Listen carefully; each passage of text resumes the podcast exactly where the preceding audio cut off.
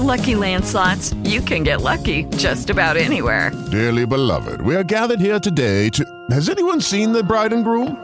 Sorry, sorry, we're here. We were getting lucky in the limo and we lost track of time. No, Lucky Land Casino, with cash prizes that add up quicker than a guest registry.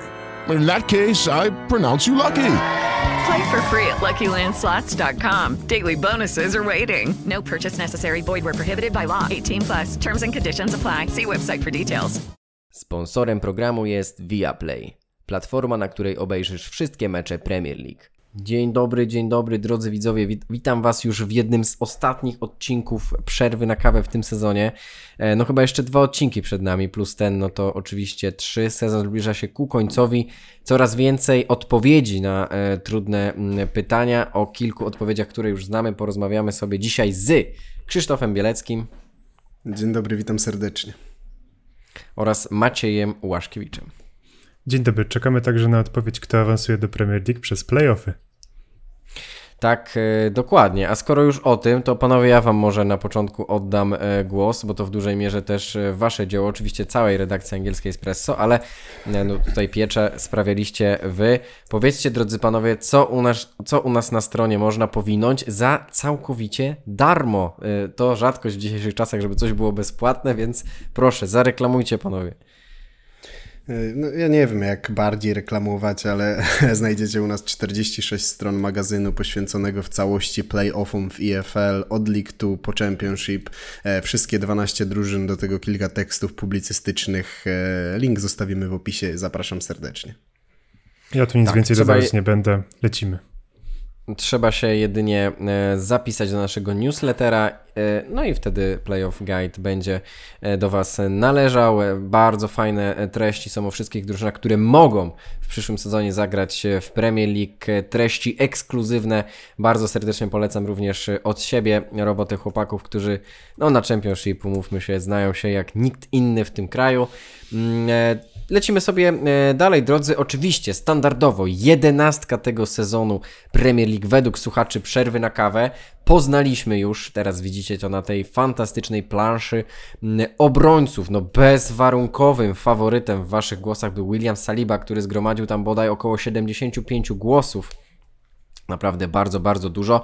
E, Potem było długo, długo nic i na drugim miejscu okazało się, że Lisandro Martinez mm, e, wskakuje do naszej jedenastki sezonu według słuchaczy przerwy na kawę. Chyba trzeci był Botman. Botman tutaj nie wskoczył do tej mm, jedenastki. Także Lisandro Martinez i William Saliba em, znaleźli się w naszej jedenastce. Teraz pora, drodzy widzowie, na bocznych obrońców. Piszcie proszę i lewy i prawy obrońca, który waszym zdaniem powinien się w takiej jedenastce e, znaleźć. No i będziemy zliczali głosy, zobaczymy mm, e, kto wskoczy do naszej jedenastki. Panowie, jak wy komentujecie wybór Saliby i Martineza? Przypomnę tylko, drodzy widzowie, że my, e, jako tutaj nasza trójka, będziemy wybierać naszą jedenastkę sezonu trochę później i zestawimy tą jedenastkę z tymi, które, którzy zostali wybrani przez naszy, naszych słuchaczy. Panowie, Saliba Martinez, wasze komentarze. No trochę widzowie wykorzystali to, że mieliśmy dosyć dużą rotację w mm, obronie Manchesteru City w tym sezonie. Znaczy nie, nie, nie widzowie, tylko bardziej właśnie Martinez, który został przez nich wybrany. Wydaje mi się, że znalazł się właśnie w tym zestawieniu, dlatego że trudno tak naprawdę było znaleźć kogoś tak typowo z defensywy Manchesteru City, żeby go wyróżnić. No a jednak obrona Manchesteru City to jest najlepsza obrona w tym momencie w Premier League aequo z Newcastle najwięcej, najmniej oczywiście straconych bramek, więc tutaj ja bym szukał w tych dwóch drużynach. Saliba wydaje mi się, że nie bezsprzeczny. No ten Martin jest taka kontrowersyjna decyzja, wydaje mi się. Może mamy dużo kibiców Manchester United po prostu. Nie no, Martinez też zrobił naprawdę dużą różnicę w tym sezonie, więc też nie dziwi mnie do końca ta, ta kandydatura, aczkolwiek też e, celowałbym raczej w e, któregoś z obrońców Newcastle United e, bądź Manchesteru City, ale jeżeli pomyślimy sobie o Natanie Ake, no to już chyba jest bardziej lewym obrońcą w tym sezonie. John Stones znowu defensywnym pomocnikiem, więc być może dlatego nie zostali sklasyfikowani jako, jako środkowi obrońcy. Tak, mnie cieszy na pewno to, że no, niekwestionowanym zwycięzcą został William Saliba, um, także myślę, że akurat przy tym e, obrońcy nie ma się co za długo rozwodzić. Zgadzamy się, myślę, wszyscy e, we trzej. Jeszcze tylko e, jedno od nas, oczywiście razem z Elwibetem wybieramy mecz Soli Futbolu w następnej kolejce. Tym razem jest to mecz Wolverhampton kontra e, Everton. Pamiętajcie, że rejestrując się w Elwibet z kodem SolFootballu otrzymacie 20 zł bez depozytu. Oczywiście możecie też skorzystać z oferty powitalnej Szczegóły w linku, który znajduje się w opisie. Tam Was odsyłamy. A tymczasem zajmiemy się tym, co wydarzyło się w minionej kolejce e, Premier League. E, jak zazwyczaj wydarzyło się dosyć dużo. 36. kolejka e, rozgrywek. No myślę, że standardowo zaczniemy sobie od tego, co najświeższe, od tego, co wydarzyło się przed chwilą.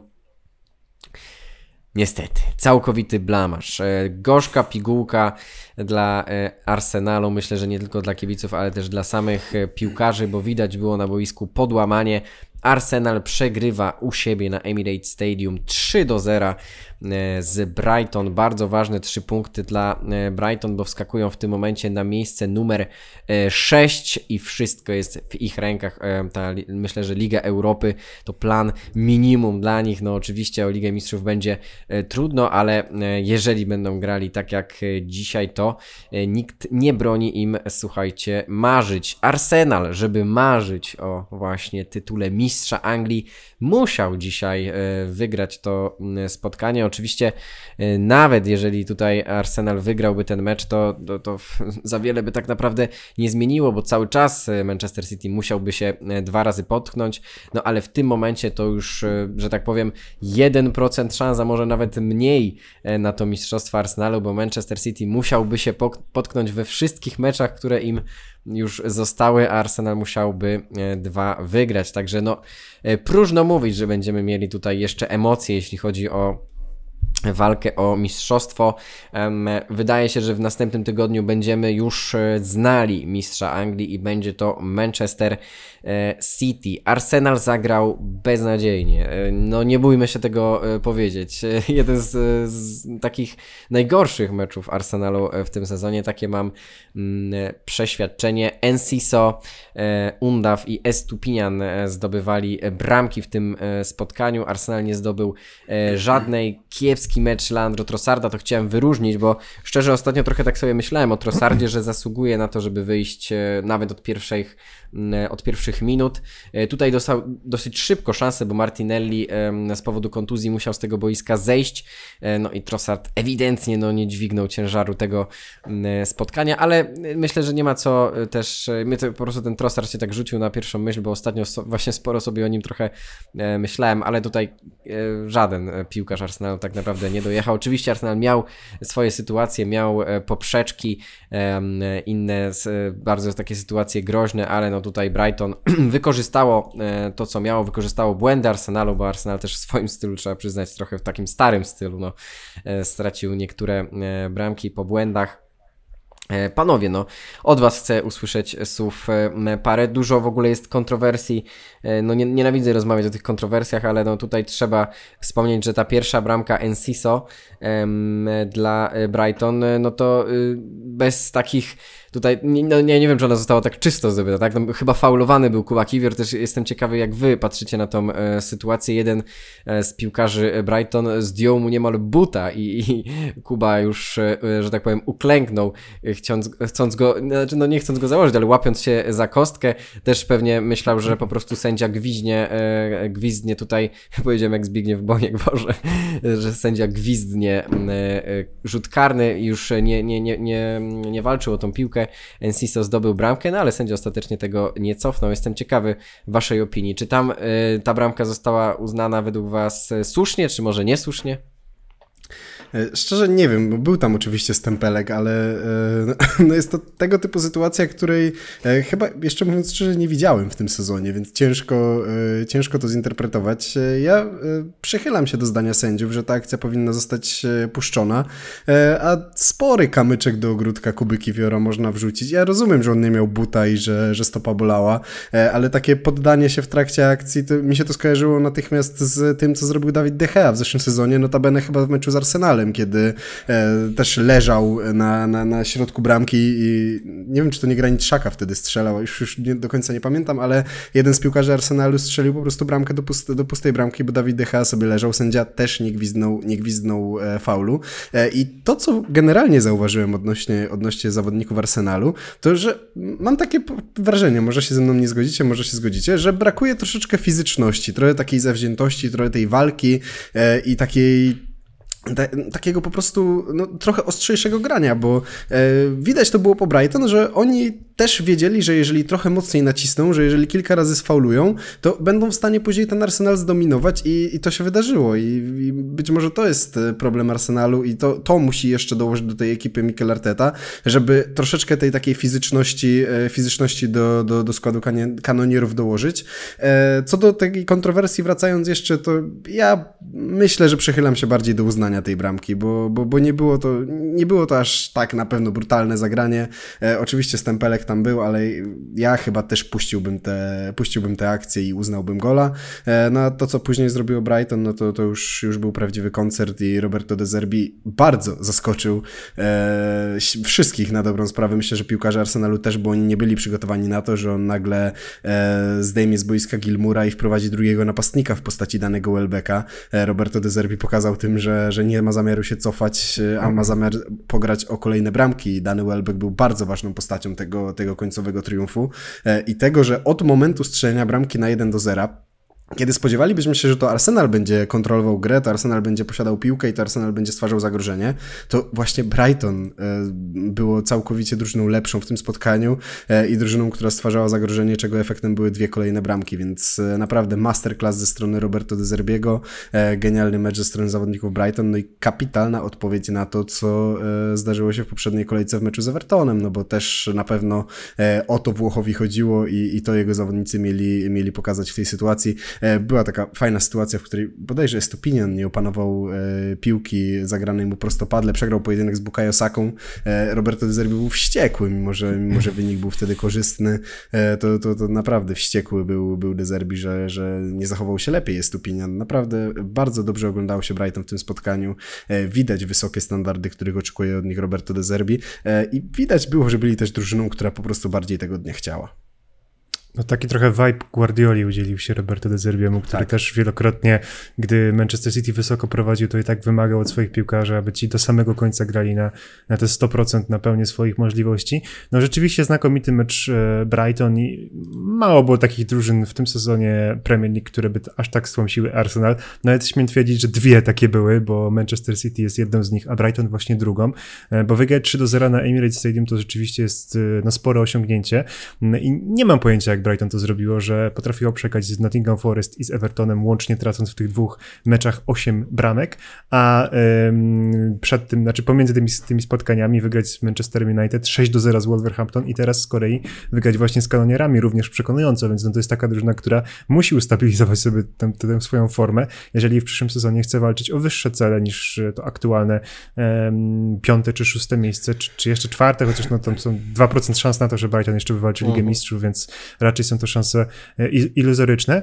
Ja się akurat, Krzysiek, z tobą nie zgadzam, że ta sytuacja była dopuszczenia, jeżeli chodzi o faul Jakuba, na Jakubie Kiwiorze, bo dla mnie tam był faul rzeczywiście i, i VAR wydaje mi się, że powinien cofnąć e, tego gola, tylko że mam taki problem z tym, że Arsenal tak czy inaczej by te bramki stracił, bo oni po prostu bardzo słabo weszli w tę drugą połowę.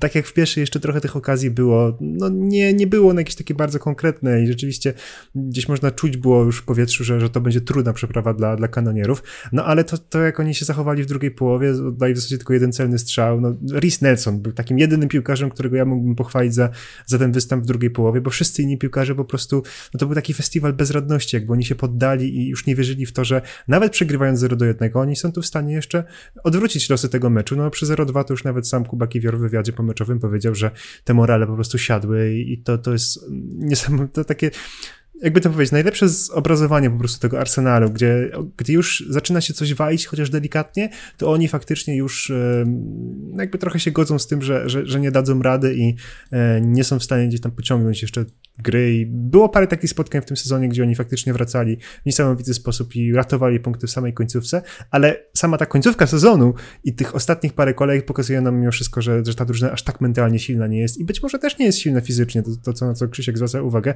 no ale to jest też drużyna mimo wszystko trenowana na to, aby być, aby być drużyną techniczną, aby jednak mieć tę piłkę częściej przy sobie niż walczyć bark w bark z przeciwnikami, no to jest, to jest taki styl gry w tym momencie Arsenal, jaki preferuje Mikel Arteta. E, jasne, że niektórzy piłkarze powinni być e, silniejsi i troszkę lepsi wyszkoleni fizycznie, ale też biorąc pod uwagę fakt, że Kuba Kiwior zawsze um, miał taki, taki właśnie um, taką opinię obrońcy, który raczej jest dobry w wyprowadzeniu piłki, a nie jest wcale jakiś znakomity w obronie, no to Arsenal najwidoczniej po prostu tego typu piłkarzy szuka do siebie. Ja bym do, tak długo, jak oni wygrywali mecze swoim sprytem, swoim techniką, swoim ustawieniem, niesamowitym zorganizowaniem taktycznym, no to nie powinien być na nich zły o to, że jeden czy drugi piłkarz może nie jest na tyle napakowany, co, co przeciwnicy z Brighton, tak? E, lub coś w tym rodzaju. No ale tak czy inaczej po prostu przykro się patrzyło na Arsenal. ale wiesz, wiesz, jeżeli chodzi, jeżeli chodzi o piłkarzy Brighton, to tam też nie są dwumetrowe wieże same, nie? Tam, tam te pojedynki wygrywali, wygrywały chłopaki z Paragwaju, no tak. więc to, to też nie jest tak, że... E, że no, na Berna brakowało, już brakuje od dawna. E, no, chodzi mi po prostu o to, że, że trochę takiego, takiego zaangażowania i takiej walki o każdy centymetr boiska w Arsenalu e, w tych kluczowych momentach brakuje. Takie jest moje wrażenie. Znaczy zaangażowania tak, jak najbardziej. Tutaj wydaje mi się rzeczywiście, że Arsenal, no tak jak mówię, no po prostu byli, byli piłkarze Mikretoty bezradni i też to, co można tak skwitować za jeden sezon, że Arsenal, jeżeli miałby zdobyć mistrzostwo, to musiałby grać od początku do końca tego sezonu na 100% i zawsze być optymalnie fizycznie i przede wszystkim tak kondycyjnie przygotowany i po prostu być też, grać podstawowym składem, tak? No bo dlaczego forma Arsenalu się posypała? No raczej dlatego, znaczy jednym z, z przyczyn na pewno była kontuzja Williama Saliby i to, że musiał Mikel Arteta sięgać po Roba Holdinga, czy teraz po Kubę Kiwiora.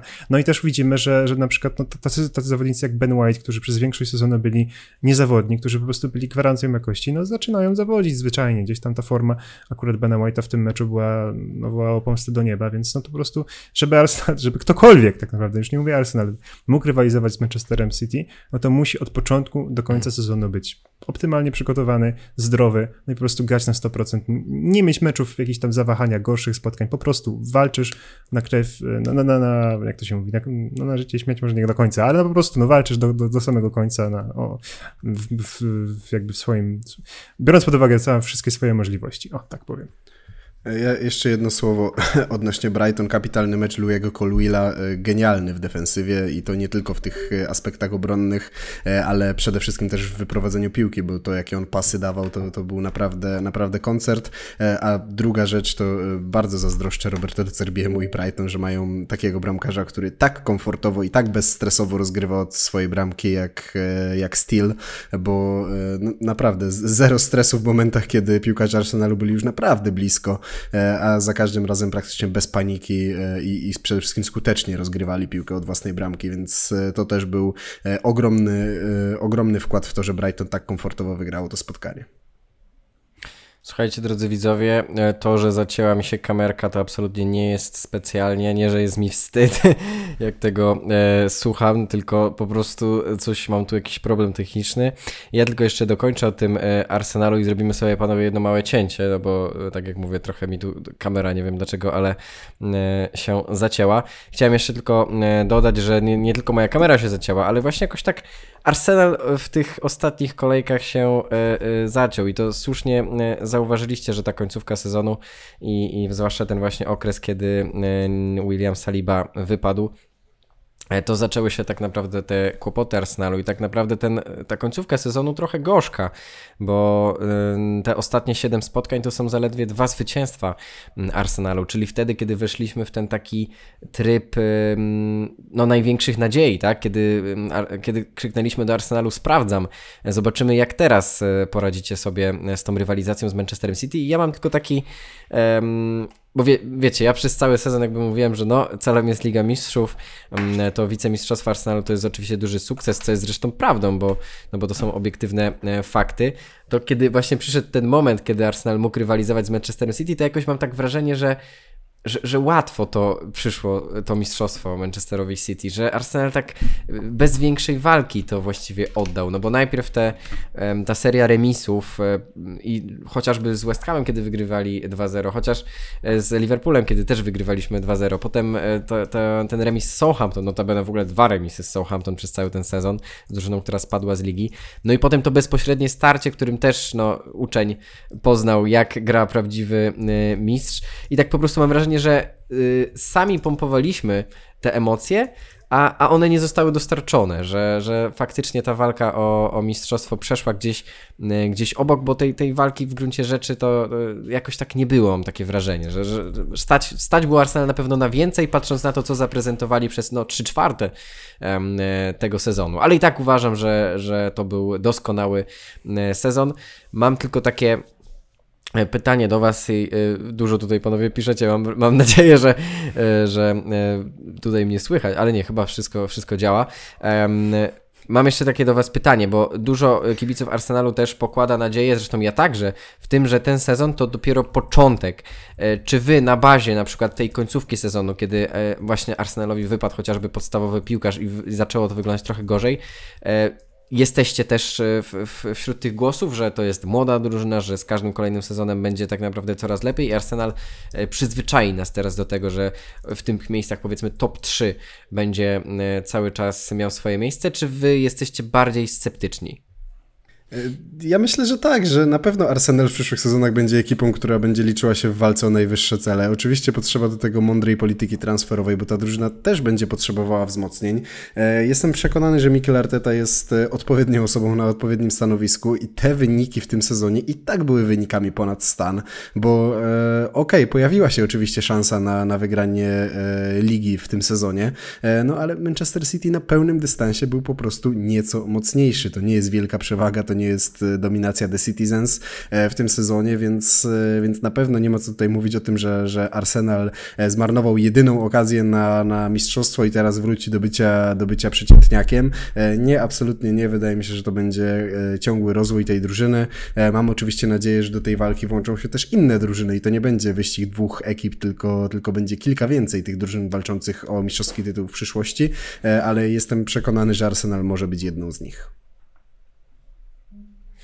No i zobaczymy. Zobaczymy, czy tak faktycznie będzie e, w kolejnych sezonach. Tego na pewno chcieliby kibice Arsenalu, a my tymczasem e, przejdziemy sobie e, dalej. Teraz przejdziemy do drużyny, która no, to mistrzostwo może przypieczętować już w następnym tygodniu. Everton przegrywa na Goodison Park z Manchesterem City 3 do 0 chociaż do 37 minuty Everton grał naprawdę dobrze, no ale potem Ilkay Gindogan zrobił magiczny nawet ciężko powiedzieć, co on zrobił. Taki jakiś piruet z piłką, pięknie przyjął na kolano, no właściwie na udo, minął e, tym zagraniem. E, większość obrońców Evertonu zmylił i pięknym takim strzałem z zapleców w ogóle um, ograł Jordana Pickforda, później Erling Haaland E, gol z głowy, no i Ilkay Gindogan dokończył dzieło zniszczenia. Manchester City wygrywa 3 do 0, mimo tego chociażby, że gdybyśmy spojrzeli w statystyki, to Everton miał expected goals na poziomie 1,76, bo naprawdę ich całe fragmenty gry w tym spotkaniu były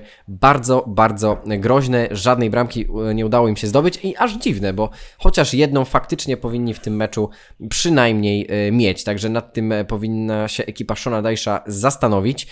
Manchester City wygrywa mimo wszystko E, pewnie i to, co kibice, na, to, na co kibice Manchesteru City zwracają uwagę, to na to, że chyba trudno będzie się pożegnać z Ilkejem Ginnogadem, chyba trzeba będzie go namówić na to, żeby podpisał nowy kontrakt, no bo ten piłkarz po prostu, kiedy wejdzie w swoją, w swoją najlepszą fazę, to jest tej drużynie wybitnie y, potrzebny. 3 do 0 Manchesteru City, jeden mecz do zdobycia mistrzostwa, 11 zwycięstw z rzędu. Wydaje się, że nic ani nikt nie jest w stanie ich zatrzymać. Panowie, czy Gindogan powinien w tej drużynie zostać i czy Manchester City powinien zrobić wszystko, żeby ich e, zatrzymać? No i jak wy komentujecie to e, spotkanie? Czy to trochę też nie jest tak, że jak, no mówię, do 37 minuty Everton gra dobrze, gra dobrze i nagle jest cios no i potem już jest właściwie coraz tylko ciężej. Manchester City gra w swoją grę. Jak wy to spotkanie oceniacie, panowie? No, mnie przeraża lekkość wygrywania takich meczów przez Manchester City, bo faktycznie to spotkanie zaczęło się od takiego trochę, nie powiem, że trzęsienia ziemi, ale Everton przez pierwsze 20-25 minut wyglądał jak drużyna, która po prostu e, jest e, w stanie zagrozić Manchesterowi City, jest w stanie ją skontrować, jest w stanie wywalczyć sobie stały fragment gry, po którym sprawi zagrożenie, więc Everton po prostu bardzo dobrze w to spotkanie wszedł i gdyby nie Kyle Walker, który znakomitymi sprintami radził sobie z tymi kontratakami Evertonu, to myślę, że Manchester City trochę więcej by się naposił, żeby wygrać to spotkanie, bo żeby mimo wszystko wygrać ten mecz, e, no znaczy chodzi mi o to po prostu, że Manchester City tak czy siak wydaje mi się, że to spotkanie by wygrał, tylko po prostu pytanie, jak duża skala wyzwania by to była dla ekipy Pepa Guardioli. Na początku wydawało się, że ta skala będzie dosyć wysoka, potem rzeczywiście dwa szybkie ciosy tak naprawdę, Gindogan znakomity strzał i później jeszcze Erling Haaland dosłownie parę minut później wyprowadzi Manchester City na prowadzenie 2 do 0, no i trochę już można było mieć takie poczucie, że to spotkanie jest zamknięte, no bo Dead Office, skoro mieli problem z tym, żeby w końcu gdzieś tam ukąsić Manchester City w tych pierwszych 25 minutach, mimo że mieli taką pozorną przewagę, no to e, trudno było oczekiwać od drużyny Shona Dyche'a, aby ta przystanie 0 do 2 gdzieś tam rzuciła się w niesamowitą pogoń, tym bardziej, że Manchester City kontrolował to spotkanie, no i był e, z każdą kolejną minutą też coraz pewniejszy, pewniejszy siebie, może tej pewności siebie na początku brakowało, no i Ilkan Gindogan, no to jest taki zawodnik, właśnie ja wystawiam taką tezę, e, że Manchester City taka naj, największa ich um, siła, taka ich cecha charakterystyczna, rozpoznawalna Manchester City w tym i też w poprzednich sezonach jest to, że oni trudno jest wytypować, tak naprawdę przewidzieć, kto akurat będzie bohaterem w danym meczu Manchesteru City, bo to może być każdy. Tam jest tyle jakości, że tu w jednym meczu zagra świetnie John Stones i zostanie mianowany zawodnikiem meczu. Tu może zagrać Jack Grealish, tutaj Riyad Mahrez. Ostatnio to jest Ilkan Gindogan, jest to prawda już drugi raz, chociaż ten poprzedni taki słodko-gorzki po dwa gole i zmarnowany karny. No to tutaj Gindogan tym razem już dwa gole, ten drugi gol naprawdę niesamowity spryt tam e, ze strony Niemca i no, pisze piękny gol tak naprawdę. No, ten pierwszy też piękny w zasadzie jeden z piękniejszych dubletów, jakie widziałem w ogóle w Premier League, do tego jeszcze asysta do, do Erlinga Halanda. Na pewno byłoby ogromna szkoda z perspektywy kibiców Manchester City, gdyby oni stracili Gindogana, ale też mam takie poczucie, że oni by kogoś znaleźli po prostu na jego miejsce, że to jest kwestia drużyny, to jest kwestia menedżera, e, a nie jakichś konkretnych poszczególnych piłkarzy, no chyba, że mówimy o Halandzie i Kevinie De Bruyne. Dwa takie, dwa takie wyjątki tak naprawdę, dwaj tacy piłkarze, którzy gdzieś tam wychodzą poza ten schemat i są na najwyższych obrotach od początku do końca sezonu, natomiast wszyscy pozostali piłkarze po prostu dostarczają i mają takie momenty przebłysku, takie momenty geniuszu, gdzie widzimy po prostu Manchester City dzięki nim wygrywający kolejne mecze, no i pewnie zmierzający po Mistrzostwo Anglii, więc no tutaj mm, szapoba po prostu, nie ma co się za bardzo rozwodzić, po prostu to jest ekipa, która, która zasługuje na to, aby to mistrzostwo w tym sezonie zdobyć.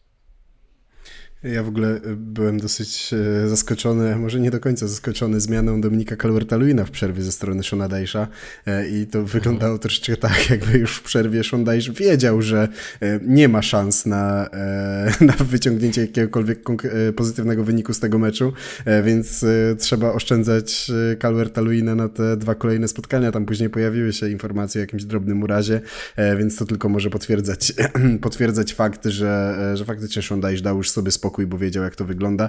E, a szkoda, bo ten początek Evertonu był naprawdę, naprawdę mocny i po tych 20 minutach, kiedy bardzo dobrze się bronili, e, zdecydowanie lepiej niż Leeds w poprzedniej kolejce, Wydawało się, że, że Manchester City może mieć problemy, że to będzie długie walenie głową w mur. E, no, okazało się być, być kompletnie inaczej, chociaż ja Evertonu absolutnie nie skreślam w końcówce tego sezonu. Tak jest. No, e, powiem szczerze, że te pierwsze minuty faktycznie wyglądały naprawdę, naprawdę e, ciekawie. Także Everton w tej końcówce sezonu e, może, mm, może jeszcze namieszać. Zobaczymy. No, przejdziemy za chwilkę do walki o utrzymanie. Bo teraz chciałbym powiedzieć o drużynie, która już o utrzymanie nie powalczy. Żegnamy, już oficjalnie żegnamy Southampton mm, z w tym sezonie w Premier League po prostu spadają e, i to z dorobkiem bardzo, bardzo nikłym. 24 punkty tylko zgromadzili piłkarze świętych. E, no jest to duża rzecz, bardzo duża rzecz, dlatego że Southampton spada e, po raz pierwszy od 2012 roku. W 2012 roku awansowali do e, Premier League i dopiero w 2023 z tej Premier League spadają, także była to drużyna, do której naprawdę się przyzwyczailiśmy, drużyna, z której bardzo często wyciągano ich gwiazdy. No i drużyna, której w końcu nie udało się tych gwiazd e, zastąpić. E, miała taki zespół, która faktycznie no, nie była, na, nie dojechała na ten poziom e, Premier League. Oczywiście, skoro Southampton spada, spada też Jan Bednarek, taki oto piłkarz, który no, w tym sezonie jeszcze grał w Aston Villa, choć grał to dużo powiedziane. Kiedy wrócił do, Sam, do Southampton, nie udało mu się pomóc tej drużynie w, w tej walce o utrzymanie. Dużo osób, kiedy myśli sobie o Southampton, to właśnie podaje ten powód, że tak się wyprzedawali, tak się wyprzedawali, że w końcu mm, no nie było już tak godnych zastępców na to, żeby się w Premier League utrzymać.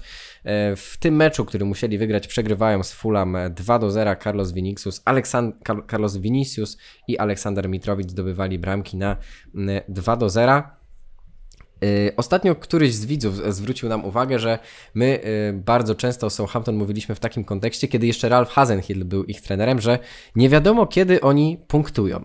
I kiedy Ralph Hasenhill odszedł z tej drużyny, to wtedy już było wiadomo, że po prostu Southampton nie punktuje. Już wtedy nawet nie punktowali w tych takich niewiadomych e, momentach. E, no i po prostu z tej Premier League spadli. Powiedzcie mi panowie, czy będziecie za Southampton tęsknić? I drugie pytanie, który z tych piłkarzy w Premier League powinien zostać. No, nasuwa się oczywiście jedna kandydatura, James Ward-Prowse, ale czy ktoś jeszcze prócz Jamesa Warda-Prowse'a waszym zdaniem powinien w Premier League zostać, powinien szukać jakiegoś nowego klubu i który na pewno po prostu tego nowego klubu poszuka? Gavin Bazunu. Przychodzą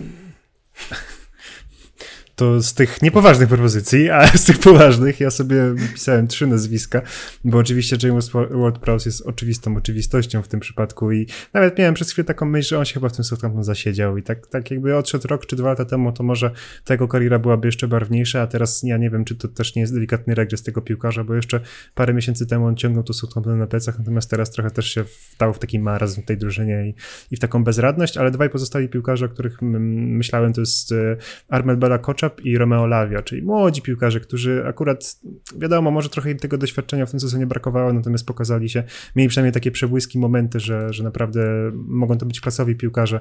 E, mam nadzieję, że oni zostaną akurat e, w Premier League. No Southampton już w Premier League nie zostaje, rzeczywiście po 11 latach. Czy jestem zaskoczony? Nie, absolutnie. Od początku tego sezonu uważałem, że Soton ma kadrę niewystarczającą na to, żeby się w Premier League utrzymać. Dużo błędów popełnionych, no bo w zasadzie zawsze tak jest, że jak ktoś spada z Premier League, to potem gdzieś tam te błędy są wypisywane i, i, można sobie zerknąć w zasadzie na jakim etapie jakaś drużyna tak, tak typowo po prostu przegięła i potem już to wszystko się posypało i takie poszło domino.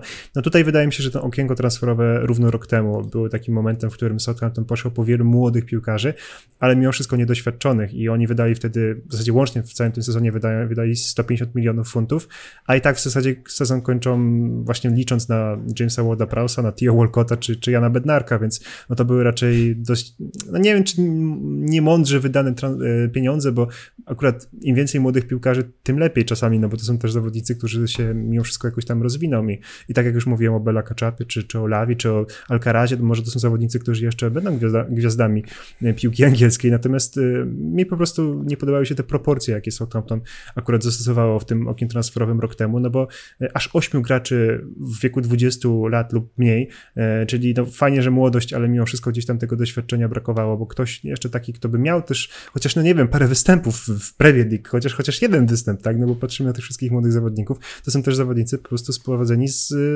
spoza Wysp Brytyjskich, tak, czyli Sulemana, Alcaraz, Mara, właśnie Edozie, Larios, to zawodnicy z, czy Bazunu to są zawodnicy z Manchester City, no ale też nie zaznający wcześniej piłki w Premier League. Ja się w pełni z tym, z tym zgadzam, tak się tylko tutaj wtrącę, bo też wiele pokazuje to, że kiedy widzimy jakieś obrazki z meczów Southampton, to Jan Bednarek jest wiodącą postacią w szatni i takim tak. piłkarzem z bardzo dużym doświadczeniem. A przecież pamiętajmy, że to był zawodnik, który został wypożyczony na początku tego sezonu, bo, bo zwyczajnie nie było dla niego, e, dla niego miejsca w Southampton. Gdzieś tam te, no wiadomo, że on też, też chciał zmienić otoczenie, ale, e, ale też był jakoś wypychany z tego klubu, wrócił, wrócił zimą i, i stał się jedną z najbardziej doświadczonych e, postaci w drużynie. Sezonie i on też ostatnio z, kojarzy taki wywiad, że, że wskazywał na to, że, że te proporcje w drużynie troszeczkę się zachwiały i zabrakło tego doświadczenia, pojawiło się zbyt wielu młodych zawodników. Pytanie, jak Ralf Hasenhüttl by sobie z tym poradził, bo wiemy, że to był człowiek, który potrafił pracować z młodzieżą i potrafił wyciągać, wyciągać te, te, te, te młode talenty. Oczywiście nie chcę teraz tutaj tworzyć narracji, że brak zwolnienia Ralfa Hasenhitla sprawiłby, że Southampton utrzymałoby się w lidze. E, aczkolwiek później te wybory, no Nathan Jones uważam, że był dobrym wyborem w, na, na tamten moment. Okej, okay, nie, wypa nie wypaliło, wiadomo, że nie wypaliło, e, ale na papierze to nie był głupi wybór ze strony Southampton, tylko e, troszeczkę dziwię się, że e, no, nie wypaliła ta sytuacja z Nathanem Jonesem. E, wiedzieli, że spadek do, do, do Championship jest, rea jest realnym widmem e, i nie zatrudnili porządnego strażaka, kogoś, kto może powalczyć realnie o to utrzymanie. E, no i pytanie, czy już lepiej nie było trzymać się tego Nathana Jonesa, który pewnie w Championship zrobiłby robotę. Ja się totalnie z tobą nie zgadzam, bo to był zbyt ryzykowny ruch. Po prostu oni do tak, był, był ryzykowny, drużyny... był ryzykowny, oczywiście. Tak, zgodzę, zgodzę się totalnie. No i w związku z tym też nietrafiony, bo do niedoświadczonej drużyny dodaje niedoświadczonego menedżera. To był dla mnie od początku taki trochę przepis na porażkę. Ja oczywiście też bardzo Nathana Jonesa ceniłem za, za pracę w Luton Town, ale miałem takie przeczucia, że to może mimo wszystko nie wypalić, że to, to, to może być strzał sobie w kolano, a też y, pozostanie no, ale niedoświad niedoświadczonego, hmm? niedoświadczonego Jonesa zastąpili jeszcze bardziej niedoświadczonym Sejeszem, tak na dobrą sprawę. Więc y, no, to jest jakaś, jakiś taki brak tego, tego pomysłu, mam wrażenie, na, na poprowadzenie tej drużyny. Tylko, że Ruben Szerz dał przynajmniej impuls, impuls przepraszam, a, a za Nathana Jonesa tego impulsu w ogóle nie było widać, więc to był przynajmniej taki trener, który być może gdzieś tam skonsolidował trochę tę szatnię, która była delikatnie podzielona. Nie ukrywajmy, że Nathan Jones jest też charakterystyczną dość postacią, która, która polaryzuje, się. więc no tutaj nie mogę mieć jakichś takich wielkich zarzutów do Southampton, że akurat poszli z Selesem, bo mm, oczywiście mogli zatrudnić, nie wiem, Big Sama, czy, czy Raya Hudsona, czy kogokolwiek takiego. Tak, oczywiście. Tylko to jest też wydawanie kolejnych pieniędzy, a oni teraz te pieniądze stracą, bo ten odpływ za, za prawa telewizyjne z Premier League, no to byłoby takie naprawdę pójście all in i nie wiem, czy to by się nie skończyło naprawdę jakimiś poważniejszymi problemami, bo jednak jak zatrudniasz trzech y, trenerów y, na etacie w ciągu jednego sezonu, no to musisz te pieniądze wydawać po to, prostu To jesteś Chelsea, wiadomo, to jesteś Chelsea. E, Albo nie, Watfordem na przykład. Albo Watfordem. Nie, chodzi, mi, chodzi mi po prostu o to, że w momencie, kiedy wiedzieli już, że e, nie ma szans na zatrudnienie porządnego strażaka, który Premier League uratuje, e, to zostawienie Nathana Jonesa nie byłoby moim zdaniem głupim pomysłem. Ja wiem, że tam nic nie działało, że, że, że ta drużyna nie wyglądała lepiej niż za Hasenhitla, wyglądała zdecydowanie gorzej. E, no ale biorąc pod uwagę, że teraz nie mają też menedżera na Championship, więc muszą kogoś poszukać. Tam no, oczywiście na karuzelę ktoś skoczy, to, to nie ma najmniejszej wątpliwości. E, no ale ten Nathan Jones, e, biorąc pod uwagę perspektywę walki o awans do, powrotny do Premier League, nie byłby głupim wyborem i, i ja trochę, trochę się dziwię tym, tym wyborem Southampton mimo wszystko w tym sezonie. No, patrząc na to, że oni koniec końców i tak lądują w Championship, no to faktycznie teraz taki Nathan Jones może by im się przydał, ale no ja też nie chcę być jakoś tak mega tutaj um, krytyczny wobec Rubena Szeresza, bo po prostu zrobił w zasadzie to, co mógł zrobić, tak? Czyli A parę tak, tych tak, punktów absolutnie, absolutnie tak, absolutnie tak, bo to nie, nie, był menedżer, do którego oczekiwalibyśmy, że nagle e, uratuje Southampton Ligę, to jest, e, to jest Więc oczywiste. No. może da sobie radę teraz w Championship, kto wie, może po prostu to jest trener, który zostanie, no bo nie pokazał na tyle, żeby chyba tak szukają, 100% chyba szukają powiedzieć. nowego z tego tego, co, z tego, co gdzieś wyczytałem, to chyba szukają, mają tam kilka nazwisk tak. wyselekcjonowanych i szukają nowego menedżera. No to zobaczymy, bo ogromny problem w zasadzie Southampton się, się, się zacznie, zaczną się problemy piętrzyć, gdy sobie pomyślimy o tym, że oni w zeszłym sezonie zaliczyli obrót w wysokości 151 milionów y, funtów, przy czym 115 to było tylko i wyłącznie prawa telewizyjne, a kluby Championship zazwyczaj tych pieniędzy dostają no właśnie gdzieś tak od 15 do 20 milionów. Ja wiem, że teraz IFL podpisało nowy, nową umowę ze Sky Sports, więc trochę tych pieniędzy będzie więcej, no ale to jest tak czy inaczej gdzieś około 100 milionów mniej. No nie no, bo, bo Dostanie, dostanie 46 milionów e, za spadochron, nie? więc to ich, e, to ich bardzo mocno uratuje. E, te, za parachute payment oczywiście ten program, który pomaga klubom po, po spadku, to ich dosyć mocno uratuje przez trzy sezony tak na dobrą sprawę, bo, bo oni trzy sezony mogą być beneficjentami tego, tego programu w Championship, o ile oczywiście nie zajdą jakieś zmiany, bo IFL cały czas kłóci się z Premier League i chcieliby, chcieliby zmian w tym programie, ale to ich mocno, mocno uratuje. Oczywiście kontrakty kontrakty idą w dół. No i też nie zapominajmy, że jednak część z tych zawodników będzie można sprzedać. No za Warda Prausa na pewno zarobi się trochę pieniędzy. E, podejrzewam, że na nasze Adamsa czy, czy, czy Adama Armstronga też jacyś chętni się znajdą, więc, e, więc myślę, że ten pierwszy czy drugi sezon, jeżeli chodzi o finanse, będzie bardzo bezpieczny dla świętych. Problem pojawi się wtedy, kiedy, kiedy nie awansują do Premier League w kolejnych latach. Tak, bo to też z dnia meczowego e, ma... od razu myślę, że tak, też przychody spadną. Maciek, e, to chciałem tylko powiedzieć, że Talks, e, Talksport informuje, że no, włodarze Southampton patrzą w kierunku Russella Martina, posłuchaj, i Stevena Schumachera, tak. Niech patrzą. tak, Talksport podało, że tych, na tych dwóch menedżerów głównie patrzą. Oczywiście, jeżeli nie wiecie, Russell Martin to trener obecny tylko, Swansea. Tylko co Southampton mógłby um, zaoferować Russellowi Martinowi więcej niż ma w Swansea, bo to nie jest ekipa, która słynie z wielkich wydatków, Championship na pewno już tego nie będzie, więc myślę, że to nie będą jakieś warunki pracy przewyższające bardzo mocno Swansea City. No i tu i tu ma młodą drużynę, więc też nie...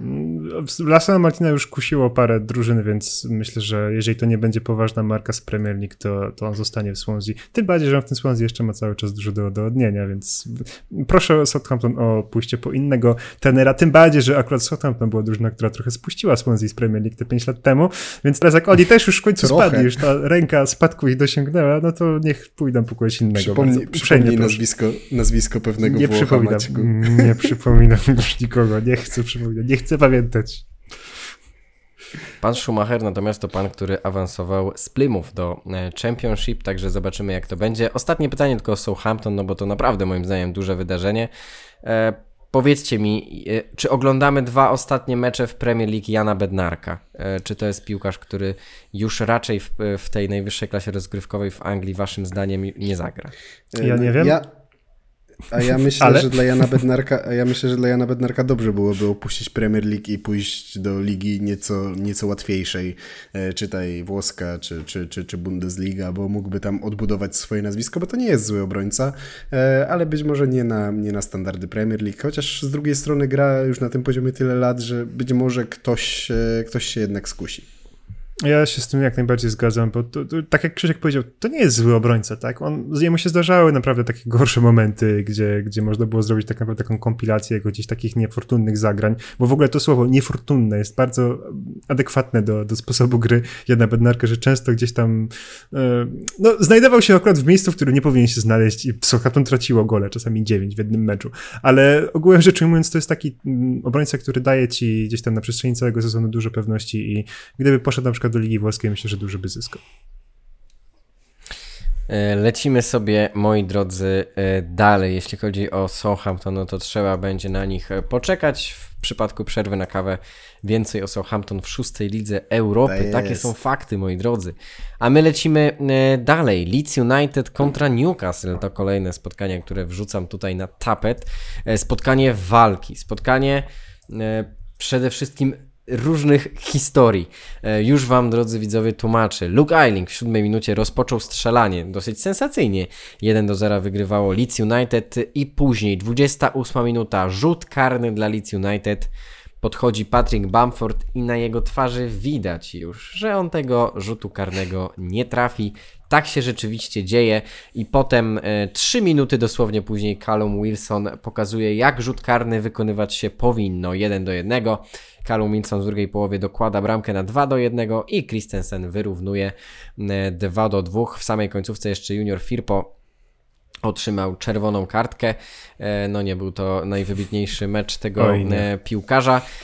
W każdym razie, za chwilkę o tym pewnie opowiecie, Leeds United remisuje 2 do 2 z Newcastle e, i tak naprawdę zgarnia ten punkt. Myślę, że i tak, jeśli chodzi o ten dorobek z Newcastle, to um, można się z tego punktu e, cieszyć, zwłaszcza też patrząc na przebieg tego spotkania, choć um, no ten niewykorzystany karny Bamforda na pewno w głowie kibiców Leeds pozostaje coś takiego. A co by było, gdyby? I teraz pytanie do Was, czy ten rzut karny Patricka Bamforda zaważy na tym, że Leeds United spadnie w tym sezonie mm, z Premier League, to jest pytanie numer e, jeden. I e, jeszcze mam pytanie o Newcastle, ale to może trochę później, na Bywolic.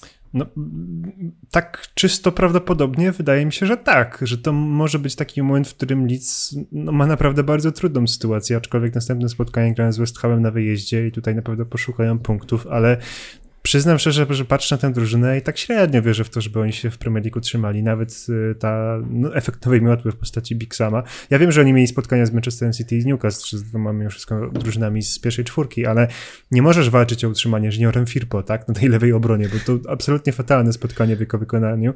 Jeden z najgorszych w ogóle występów w tym sezonie Premier League, bo no, prosił się o nieszczęście już od samego początku w zasadzie, bo pośliznął się przy tym pierwszym karnym, y, który wykorzystał Callum Wilson.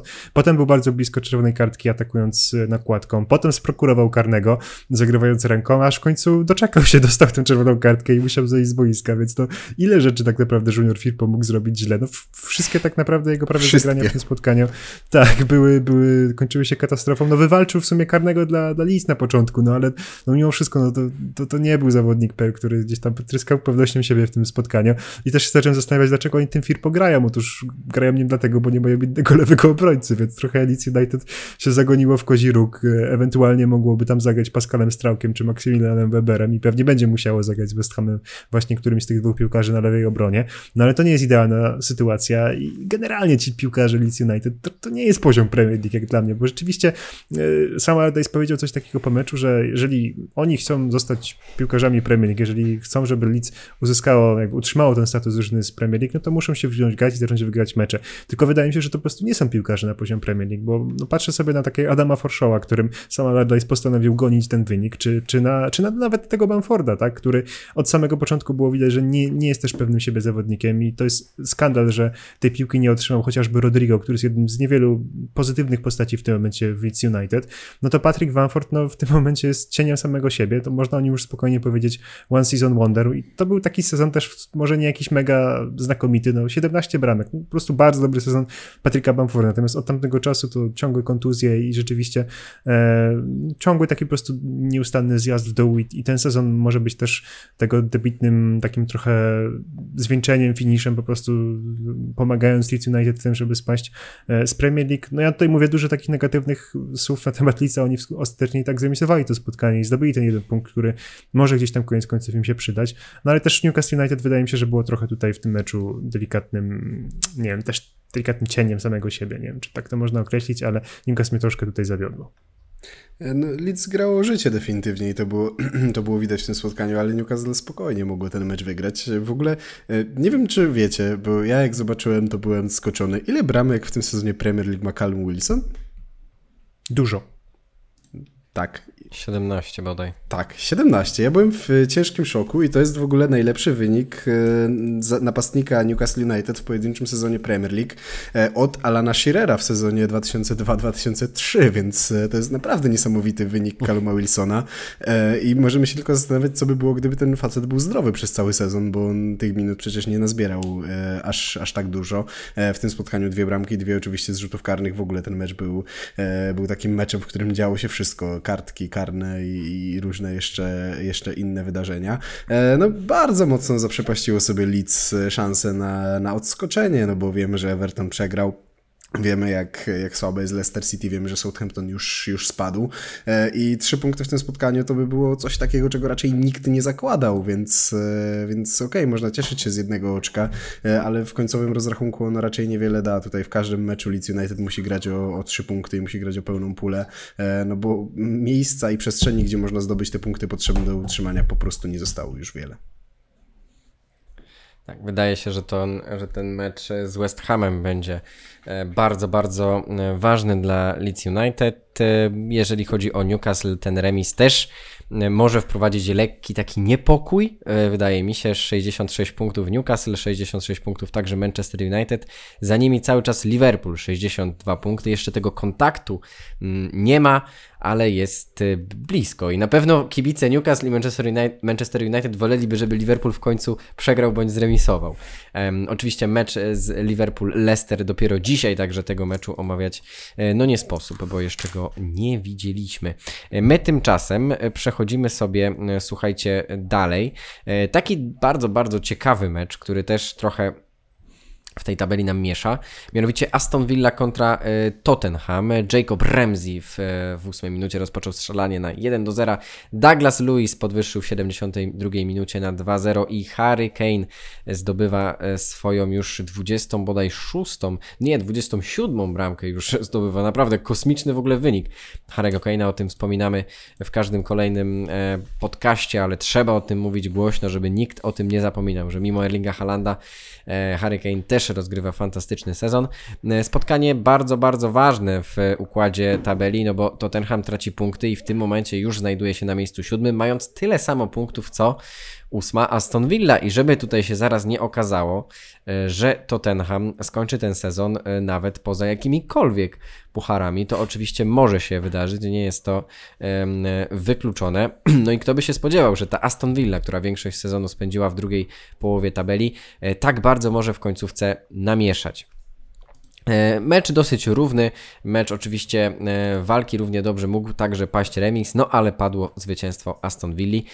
Ten sezon Tottenhamu, no taki powiedziałbym e, gorzkawy, e, nawet bardzo gorzkawy, ale już e, mówi się o tym, że w kolejnym sezonie powinno być lepiej. Czy faktycznie tak myślicie, że tak może być, panowie, Tottenham? Oj, może być trudno, tak naprawdę, bo Tottenham jest jedną z tych drużyn, w której ja nie widzę trochę takich promyków nadziei na przyszłość, szczerze mówiąc. I od momentu, w którym Antonio Conte z tej drużyny odszedł, to troszkę mam wrażenie, że rzucił taką klątwę na tę drużynę i powiedział, że wszyscy ci piłkarze są beznadziejni, Daniel Lew jest beznadziejny i w sobie Tottenham od tego momentu wygląda jakby był rzeczywiście beznadziejny, bo wygrał tylko dwa spotkania od odejścia Antonio Conte i to takie mało przekonujące, przyznam szczerze, bo jednym z nich było spotkanie wygrane z Brighton, gdzie Brighton troszkę zostało tam oszukane. No i to spotkanie tutaj też w sumie mam wrażenie, że Koguty nie zasłużyło w tym meczu na, na, punkt, bo mimo tego, mimo że w sumie było tego punktu bardzo blisko, bo tam Golsona nieuznany w końcówce, no to mimo wszystko tutaj Aston Villa zrobiła wszystko, żeby to spotkanie wygrać i generalnie mam takie wrażenie po prostu, że Aston Villa w tym momencie czysto piłkarsko i tak taktycznie jest drużyną o wiele lepszą od Tottenhamu, lepiej przede wszystkim zorganizowaną. Po prostu widać, jak oni są sprytni i tacy e, no, zaangażowani po prostu. Każdy dołożył swoją cegiełkę przy tej bramce na 1 do 0, w którą ostatecznie zdobył Jacob Ramsey. Tam wszystko się zgadzało. Po prostu od samego początku do końca ta akcja była przeprowadzona w sposób wręcz książkowy. E, linia obrony genialnie się ustawia, bardzo wysoko, łapiąc Tottenham na, na spalonych, e, bo dwa gole aż Son znaczy dwa gole, w sumie był bliski strzelenia dwóch goli, bo ostatecznie raz nawet trafił w słupek mhm. E, z takich czystych kontrataków, gdzieś tam długich piłek za linię, linię obrony Aston Villa, natomiast w obu tych przypadkach potem się okazywało, że był delikatnie spalony i piłkarze Tottenhamu aż dziewięciokrotnie byli łapani na spalonych w tym spotkaniu, więc tutaj po prostu Unai Emery odwala kapitalną robotę, został menedżerem kwietnia, wygrał już drugi mecz z Tottenhamem w tym sezonie, czyli więcej niż w ogóle jako e, trener e, w Premier League, bo przecież też wcześniej był trenerem Arsenalu, ale nie udało mu się dwukrotnie pokonać Tottenhamu tylko raz. No, Aston Villa dodatkowo jeszcze też wygrała szóstą, e, szósty mecz z rzędu na Villa Park, czyli pierwszy raz od 30 e, lat w Premier League. No więc tutaj same po prostu rekordy i, i takie, bym powiedział, superlatywy można kierować w kierunku ekipy Unai Emery'ego, która po prostu jest na fali wznosząca, no, a Tottenham delikatnie się tutaj w tym, w tym maraźmie, w tej beznadziei, którą Antonio Conte im wyłuszczył, no się pogrążają i, i trudno mi tak naprawdę tutaj określić, że e, jakoś tak jednoznacznie po, powiedzieć, że Tottenham w przyszłym sezonie będzie lepszy, bo po pierwsze nie wiemy, kto będzie ich trenerem, nie wiemy, kto będzie ich dyrektorem sportowym. Jeszcze, o, to jest też ciekawy nawet mhm. wątek, no bo przecież Aston Villa, e, można nawet powiedzieć, że troszkę sprzed nosa im ściągnęła bardzo dobrego dyrektora sportowego z Barcelony, czyli Mateo Alemaniego, czyli kogoś takiego, kogo w Tottenhamie właśnie bym widział. I to jest trochę martwiące, gdy Aston Villa bierze dobrego trenera, dobrego dyrektora sportowego, za chwilę jeszcze będzie brać dobrych piłkarzy i okaże się rzeczywiście, że Tottenham będzie daleko w tyle nie tylko za pozostałymi pięcioma drużynami z Big Six, ale także za tymi ekipami typu Newcastle, Aston Villa czy Brighton, no to nam wychodzi, że, że Totki gdzieś tam będzie, będą, nie wiem, dziewiątą siłą w Premier League, no aż nie do uwierzenia, ale oni naprawdę muszą się ogarnąć i dużo sprzątania. Mam wrażenie, że czeka ich na, na, na, w, Londynie przed tym kolejnym sezonem, no bo tutaj nie da się tego wszystkiego ogarnąć gdzieś tak w, jednym takiej, w jednej wypowiedzi, ile tam rzeczy trzeba e, posprzątać, no ale dalej Daniel Levy ma rzeczywiście dużo tutaj do, do ogarniania i nie zazdroszczę mu tego, ale to też on sam w sumie e, się wrzucił w całą, w tą całą tą sytuację, więc no niech teraz sprząta, niech, niech pije to piwo, które naważy. Jestem bardzo ciekawy, jak w tym końcowym rozrachunku będzie wyglądała mm, ta tabela i jakie też będą reakcje Tottenhamu w tym następnym zbliżającym się sezonie. E, my tymczasem przechodzimy e, dalej. Teraz porozmawiamy sobie trochę o Chelsea. Tutaj taki mecz, w którym padło aż cztery bramki, było dwóch strzelców. Taiwo Awoni rozpoczął strzelanie w 13 minucie, później dwukrotnie trafiał Ryan Sterling i Iwoni dołożył gola w 62 minucie. Chelsea remisuje z Nottingham Forest 2 do 2. Zadam e, najpierw może pytanie o Chelsea i też już w kontekście, e, myślę, następnego sezonu, bo tutaj już Chelsea w tym raczej o nic ciekawego e, nie powalczy. Serwis The Athletic podaje, że Mauricio Pochettino jest już dogadany z The Blues. Jestem ciekawy, jak wy komentujecie ten Współczuję. wybór, bo mnie, szczerze mówiąc, się ten wybór podoba. Współczuję, że jak rozumiem Mauricio Pochettino, tak, tak, tak. niekoniecznie niekoniecznie kibicom Chelsea, bo wydaje się, że to naprawdę jest mm, bardzo dobra e, decyzja. A co do Nottingham Forest, powiedzcie mi panowie, czy mm, ten punkt daje trochę więcej niż ten punkt Leeds United, bo wydaje się, że ten punkt faktycznie może być decydujący. Daje więcej, bo mają generalnie na koncie trzy punkty więcej niż Leeds United, więc ostatecznie, ostatecznie faktycznie może mieć, to, może mieć to duże znaczenie, ale też Nottingham mogło to spotkanie e, śmiało przechylić szale zwycięstwa na swoją stronę. E, aczkolwiek no, ja generalnie, jeżeli chodzi o, o, o, tabelę Premier League i o to, które drużyny się utrzymają, a które spadną, e, to wydaje mi się, że ten skład strefy spadkowej już się nie zmieni i zarówno Everton, jak i Nottingham Forest utrzymają się w tym sezonie Premier League, e, a do Southampton dołączą Leeds United i Leicester City. E, a co do Mauricio Pochettino, no to ja jestem, e, no, generalnie uwielbiam tego, tego menedżera. To, co robił w Tottenhamie, uważam, ja że to jest jedna, jedna z, lepszych, e, z lepszych prac menedżerskich w ogóle w Premier League w ostatnich może 20 latach, więc, więc naprawdę jestem, jestem fanem tego człowieka. To, że nie wyszło mu w PSG, komu wychodzi w PSG, to nie jest, to nie jest klub do wychodzenia menedżerom, więc oczywiście jest to bardzo, bardzo, bardzo dobry krok ze strony Chelsea. Pytanie, jak dużo dostanie czasu i jak odnajdzie się w tej, w tej rzeczywistości, no bo raczej w Tottenhamie nie miał sytuacji, w której zawodnicy wchodzili mu drzwiami i oknami do szatni, no a tutaj w Chelsea taka sytuacja już będzie miała miejsce. No, ja tylko się zastanawiam, ile on będzie rozmawiał z Todem Belli. Mam nadzieję, że jak naj... znaczy, mam nadzieję, że jak najwięcej, a Todd Belli po prostu jak najmniej będzie się e, angażował w jego pracę, bo kojarzę, że w ten weekend e, żeńska drużyna Chelsea zdobyła jakieś, jakieś trofeum. Już nie mogę teraz dokładnie sobie powiedzieć, przypomnieć, które, e, ale być może po prostu to jest sposób na to, że, że Chelsea ma jedną drużynę, w której wyszło w tym coś w tym sezonie i to jest ta drużyna, w którą akurat Todd Belli za bardzo się nie angażował, bo tak podejrzewam, że, że za, za często nie, nie zaglądał, co tam się ciekawego dzieje właśnie właśnie w tej żeńskiej e, ekipie Chelsea. E, gorzej niż z Frankiem Lampardem być po prostu nie może. Tak sobie przyznam szczerze tutaj. Ja wiem, że może jesteśmy trochę zbyt krytyczni dla Franka Lamparda, no ale co mu przyszło do głowy w tym spotkaniu, żeby wystawić nagle ni skąd ni Eduarda Mendiego, który już przy pierwszej bramce pokazał, że znaczy poznaliśmy po prostu odpowiedź na to, dlaczego ten piłkarz, dlaczego ten bramkarz w ostatnich miesiącach nie, nie występował w pierwszym składzie Chelsea, dlaczego on akurat został usadzony przez Kepa Arrizabalaga, który może ostatnio zagrał gorsze jedno spotkanie, no ale bez przesady, no to jest taki bramkarz, który spisywał się całkiem przyzwoicie w tym sezonie, nawet nas troszkę zaskoczył w pewnym momencie i był takim filarem trochę nawet tej Chelsea, którą ciągną na swoich plecach, co brzmi w sumie trochę śmiesznie. Dodatkowo jeszcze Edward Mendy też jest, być może jest e, takim zawodnikiem, który odejdzie z Chelsea tego lata, więc dlaczego akurat jemu dał szansę Frank Lampard, tego nie rozumiem absolutnie, ale też mu obrońcy e, The Blues nie pomogli, przy, czy też przy, przy tej pierwszej bramce, czy też przy następnej, bo przy tej pierwszej skandaliczne zachowanie, znaczy po prostu błąd w ustawieniu Trevora Czalobacha i jego Madułeka, którzy zostawili dużo miejsca Renana Wilodiemu na dośrodkowanie piłki. Rahim Sterling to chyba jedyny piłkarz Chelsea w tym spotkaniu, który no tak rzeczywiście od początku do końca pokazywał się z bardzo dobrej strony. No i to jest po prostu dobry, klasowy zawodnik w ekipie, która ma 11 piłkarzy grających trochę pod siebie, korzystających z jakichś swoich umiejętności, gdzieś tam przebłysków, jakości i tak dalej. No to Rahim Sterling akurat pokazuje, że on jest takim zawodnikiem, który jest w stanie wziąć piłkę na siebie, przedrywować piłką piłkarzy i umieścić piłkę w siatce, więc no tutaj jeszcze na nim ewentualnie Chelsea ma gdzieś tam, myślę, że może gdzieś tam mieć nadzieję o to, żeby, żeby zdobyć kilka punktów, no tylko że punkty już raczej nic nie będą znaczyć w tym sezonie, raczej liczy się następny sezon. Nie wiem, co sądzić o Mauricio Pochettino, muszę jeszcze się tym jakoś tak głębiej zastanowić, czy, czy to jest dobre posunięcie, czy nie, ale na pewno w Chelsea musi być po prostu dużo zmian gdzieś tam takich kwestii menedżer, znaczy nie menedżerskiej, tylko takiej organizacyjnej i po prostu komunikacji trenera z, z właścicielem, który no, ewidentnie trochę nie ogarnia rzeczywistości piłkarskiej w Premier League, więc tutaj no, no, mam nadzieję, że to wypali, bo też lubię Mauricio Pochettino i też chcę, żeby Chelsea była silna, ale trochę nie chcę mi się w to wierzyć na ten moment, że, że coś takiego będzie miało miejsce.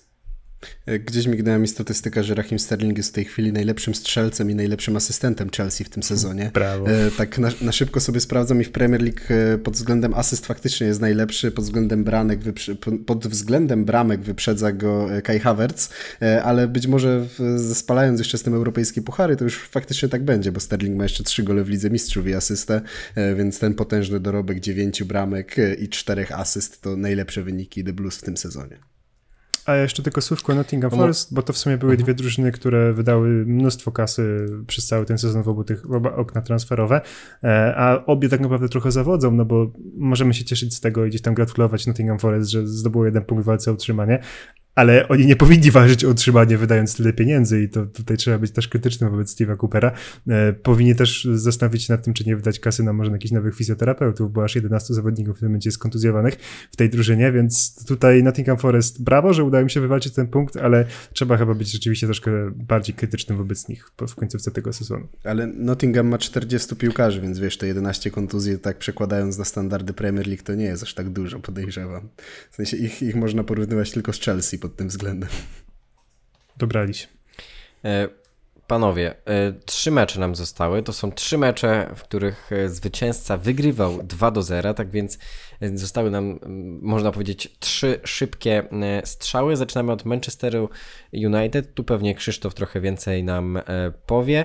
Bardzo blisko było do tego, żeby Manchester United wygrał to spotkanie 1 do 0. Ostatecznie wygrał to spotkanie 2 do 0 e, po golach Artonego Marciala i Garnacho, chociaż w tym ostatnim, w tej ostatniej akcji Wout Weghorst bardzo chciał zdobyć tego e, gola. Kiedy Garnacho go zdobywał, to Weghorst miał takie na początku, kurczę, ja chciałem. Chociaż faktycznie tego ustawienie może nie było takie najbardziej e, wybitne, więc może dobrze, że Garnacho faktycznie zdecydował się na strzał. No taki mecz bez walki chyba, co Krzysiu? No tak wyszli, pokopali przez 90 minut, jedni strzelili dwie bramki, inni zero i, i koniec. Był gwizdek kończący. Mniej więcej tak można, można to podsumować. Nie, no bardzo lekkie i przyjemne granie na Old Trafford tego dnia. E, mam wrażenie, że Wolverhampton kom kompletnie jakoś tak nie, niezmotywowane podeszło do tego, do tego meczu, tylko Diego Costa był zmotywowany, bo on e, dostał żółtą kartkę już w 15 minucie no i czerwona kartka wisiała na, na, na horyzoncie, e, a tymczasem on dotrwał aż do 78 minuty i nie dostał dostał tej czerwonej kartki, więc e, no, są, są, e, są pewne, e, pewne postępy u, u, u, tego jego mościa. Co do Manchester United, to tak, strasznie było mi szkoda Wołta Weghorsta w tej końcówce, bo bardzo chcę strzelić tą bramkę i ja mam nadzieję, że jeszcze w tych ostatnich spotkaniach uda mu się strzelić chociaż tego jednego pożegnalnego gola w Premier League, bo ewidentnie nie podają mu piłkarze Manchester United, a zasługuje na to, żeby, żeby mieć ten swój, swój moment chwały. Bardzo fajnie, że wraca Garnacho, e, bardzo fajnie, że strzela bramkę. Erik Ten Hag po spotkaniu mówił, że to jest ten moment, w którym on ma wywalczyć sobie miejsce w podstawowym składzie na e, dłużej, e, już nie tylko na, jako rezerwowy, ale żeby faktycznie grał od deski do deski we wszystkich spotkaniach, a konkurencja rośnie mu ciekawa, bo przecież Amad Diallo w Sunderlandzie zachwyca, więc w przyszłym sezonie być może będzie konkurował, czy to z Jadonem Sancho, czy z Antonym, czy właśnie z Garnacho o miejsce w składzie. A tak to kolejny dzień w biurze, bardzo komfortowe zwycięstwo Manchester United. Fajnie dla odmiany zobaczyć, zobaczyć takie właśnie spotkanie Czerwonych Diabłów. E, trzeba oddać e, cesarzowi co cesarskie. Dawid De Gea ze złotą rękawicą w tym sezonie. E, najbardziej no absurdalna nagroda, jaką można było sobie wyobrazić. Brawo. E, aczkolwiek oczywiście czyste, czyste konta nazbierane i Dawid De Gea zgarnia po raz drugi chyba w swojej karierze złotą rękawicę w Premier League. No najlepszy bramkarz Premier League. Po prostu nazywajmy rzeczy po imieniu. Niech on w Manchesterze United zostanie jeszcze na kolejny sezon, to może znowu United będą mogli zdobyć złotą rękawicę i tak dalej. Ja oczywiście tu Krzyśka tak troszkę podburzam. Ale o Amadzie Diallo myślę, że też usłyszał Antony, bo to był całkiem niezły mecz w jego wykonaniu. Znaczy, po, po, pomijam fakt, że podał piłkę. On, dorobek... on, podał piłkę. Podał raz piłkę i miał asystę. To jest niesamowite. Antony nie podaje, ale podał. Podał. No ale podał, wyrównał rekord asyst, znaczy wyrównał liczbę asyst tego sezonu z Ajaxu, mimo że zagrał tam w sumie tylko dwa spotkania, e, ale udało mu się w końcu jakby tutaj gdzieś tam do, do, dogonić swój własny cień jeszcze z, z Eredivisie z tego sezonu. E, ogółem rzeczy mówiąc United może nie namęczyło się jakoś zbytnio, żeby wygrać to spotkanie, ale musieli wygrać to spotkanie, bo tam już Liverpool za ich plecami delikatnie tam podgryzał i był naprawdę bardzo blisko, więc United po prostu musiało to spotkanie wygrać, no ale też Wolverhampton po prostu nie postawiło im zbyt wiele, zbyt wysokich wymagań. E, Daniel Bentley to taki piłkarz, o którym można powiedzieć parę słów, bo zadebiutował w Premier League, były bramkarz Bristol City czy też Brentfordu, mm, no i całkiem dobry mecz, tak, 29-latka, była aż 8 interwencji i swoją drogą naprawdę dość przykry zjazd Jose Sa, który z stopki bramkarzy w zeszłym sezonie przyszedł do rezerwowego i to jeszcze właśnie w sumie takiego dosyć anonimowego bramkarza. Mm, być może po prostu Lopetegui daje, daje szansę grać troszkę już tym piłkarzem rezerwowym w tym sezonie, wiedząc, że oni e, mają zupełnie na utrzymanie, też chcąc trochę bardziej im poznać i, i przeprogramować się do tego przyszłego sezonu, ale koniec końców, sam myślę, że jedno z większych rozczarowań tego sezonu, bo, bo to jak się zaprezentował w poprzedniej kampanii, to zdecydowanie rozbudził nasze apetyty, a teraz e, cień własnego siebie z zeszłego roku. Bardzo ważne trzy punkty dla Manchester United i teraz przejdziemy sobie już do drużyn, który, dla których te trzy punkty e, czy zero punktów aż tak ważne w tym sezonie już nie są. Crystal Palace wygrywa 2 do 0 z Bormów po dwóch golach Ebereciego e, Eze, zresztą cudownej urody, no i w ogóle Ebereci Eze 10 bramek już w tym sezonie, to tyle samo co m.in. Son, e, Isaac, Gabriel Jesus czy Phil Foden, James Madison, także w całkiem niezłym gronie znalazł się Ebereci Eze. Zwycięstwo Crystal Palace, no i powiedzcie, czy Ebereci Eze już jest gotów na to, żeby zagrać gdzieś wyżej? No trzeba przyznać, że drzemie w nim kawał tak. piłkarza naprawdę. Znaczy, myślę, że powinien zostać jeszcze w Crystal Palace na jeden sezon, bo to jest taki jego pierwszy sezon, w którym on pokazał pełnię swoich możliwości, mam wrażenie, bo te dwa poprzednie, no to trochę mu tam przeszkodziły kontuzje w tym, żeby wrócić na odpowiedni poziom. Też wydaje mi się, że początek w ogóle tego sezonu zaczynał jako rezerwowy, że nie zawsze Patryk Vieira dawał mu szansę grać w pierwszym składzie, więc tutaj... No, Właśnie to jest pytanie dlaczego. Tam chyba też kontuzja, tam, tam, chyba też kontuzja tak. i rekonwalescencja później była, więc to, to chyba tym było spowodowane.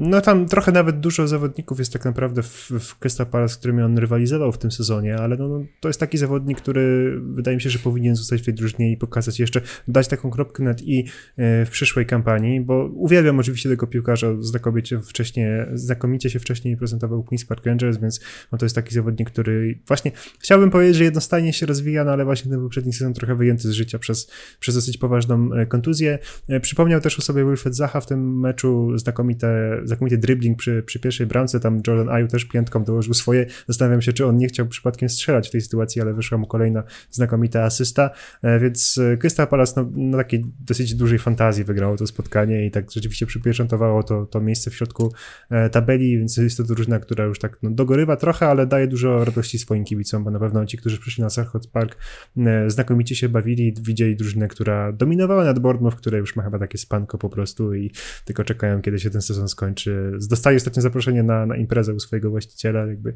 ale, ale zrezygnowali, stwierdzili, że już mają poplanowane urlopy. Ja bym szczerze mówiąc jednak wykorzystał tę propozycję, gdyby ktoś mi taką złożył, ale ja też nie wywalczyłem utrzymania w Premier League, więc cóż. Został nam ostatni mecz do omówienia, ale przyznam się wam panowie, ja tego meczu nie widziałem, gdyż w tym czasie trzymałem kciuki za Everton. Mianowicie chodzi o spotkanie Brentford-West Ham, które Brentford zwyciężyło 2 do 0. Nic to za bardzo nie zmienia e, tutaj w tym sezonie Brentford. Co do West Hamu, no to zobaczymy jeszcze jak Leicester zagra z Liverpoolem, ale też wydaje się, że nic strasznego się nie wydarzyło. Brian Mbemo i Wissa e, zdobyli gola, zdobyli bramki już w pierwszym pierwszych e, połowach. E, no tak jak mówię, ja tego nie widziałem. Panowie, a wy w tym czasie też Everton oglądaliście, czy nie? E, tak, ja też oglądałem Everton, nadrabiałem sobie ja później, później to Brentford. E, pełna dominacja zespołu Debis w tym spotkaniu, a o tym jak bardzo zdominowali ten mecz e, nie świadczy tylko ten wynik 2 do 0, ale wynik bramek expected goals, bo to jest 3,41 do 0,24, jeżeli chodzi o, o, o, właśnie XG, więc to już w ogóle była pełna dominacja podopiecznych Tomasa Franka. On zresztą powiedział w, po tym spotkaniu, że to było chyba najbardziej dominujące 2-0, jakie widział w swojej karierze i, i trzeba się z, ze szkoleniowcem Brentford zgodzić e, w 100%. E, co jeszcze istotne, podkreślił też, że e, jest bardzo zadowolony z tego, jak drużyna radzi sobie bez Ivana Toneja na boisku, bo to był jeden z niewielu meczów w tym sezonie, kiedy, kiedy Angli Licka w składzie Brentford zabrakło. I podkreślał Thomas Frank, że za każdym razem, kiedy nie ma Toneja, to zawodnicy, czy to drugiego składu, czy, czy, czy nieco mniej ważne postacie dla, dla pierwszej drużyny, no, stają na wysokości zadania, strzelają bramki, tutaj właśnie gol Wisy. Także Brentford po swojemu rozwija się bardzo dobrze. Jestem mega ciekawy, gdzie, gdzie zajdzie ten projekt Thomasa Franka, bo wieszczyliśmy, wieszczyliśmy rychły koniec tej ich przygody z Premier League, a tymczasem wydaje się, że może być tylko lepiej. I to tyle, jeżeli chodzi o ten odcinek. Jeżeli Wam się podobało, drodzy widzowie, no to możecie zostawić łapkę w górę oraz subskrypcję. Możecie także zostawić komentarz. E, oczywiście napisać, jacy boczni obrońcy według, według Was powinni znaleźć się w 11 sezonu według słuchaczy Przerwy na kawę. My kończymy. Dzięki Wam panowie, dzięki Wam widzowie. Trzymajcie się i cześć. Lucky Land Casino asking people what's the weirdest place you've gotten lucky? Lucky? In line at the deli, I guess? Aha, in my dentist's office. More than once, actually. Do I have to say? Yes, you do. In the car before my kids' PTA meeting. Really? Yes. Excuse me, what's the weirdest place you've gotten lucky? I never win and tell. Well, there you have it. You can get lucky anywhere playing at LuckyLandSlots.com. Play for free right now. Are you feeling lucky? No purchase necessary. Void where prohibited by law. 18 plus. Terms and conditions apply. See website for details.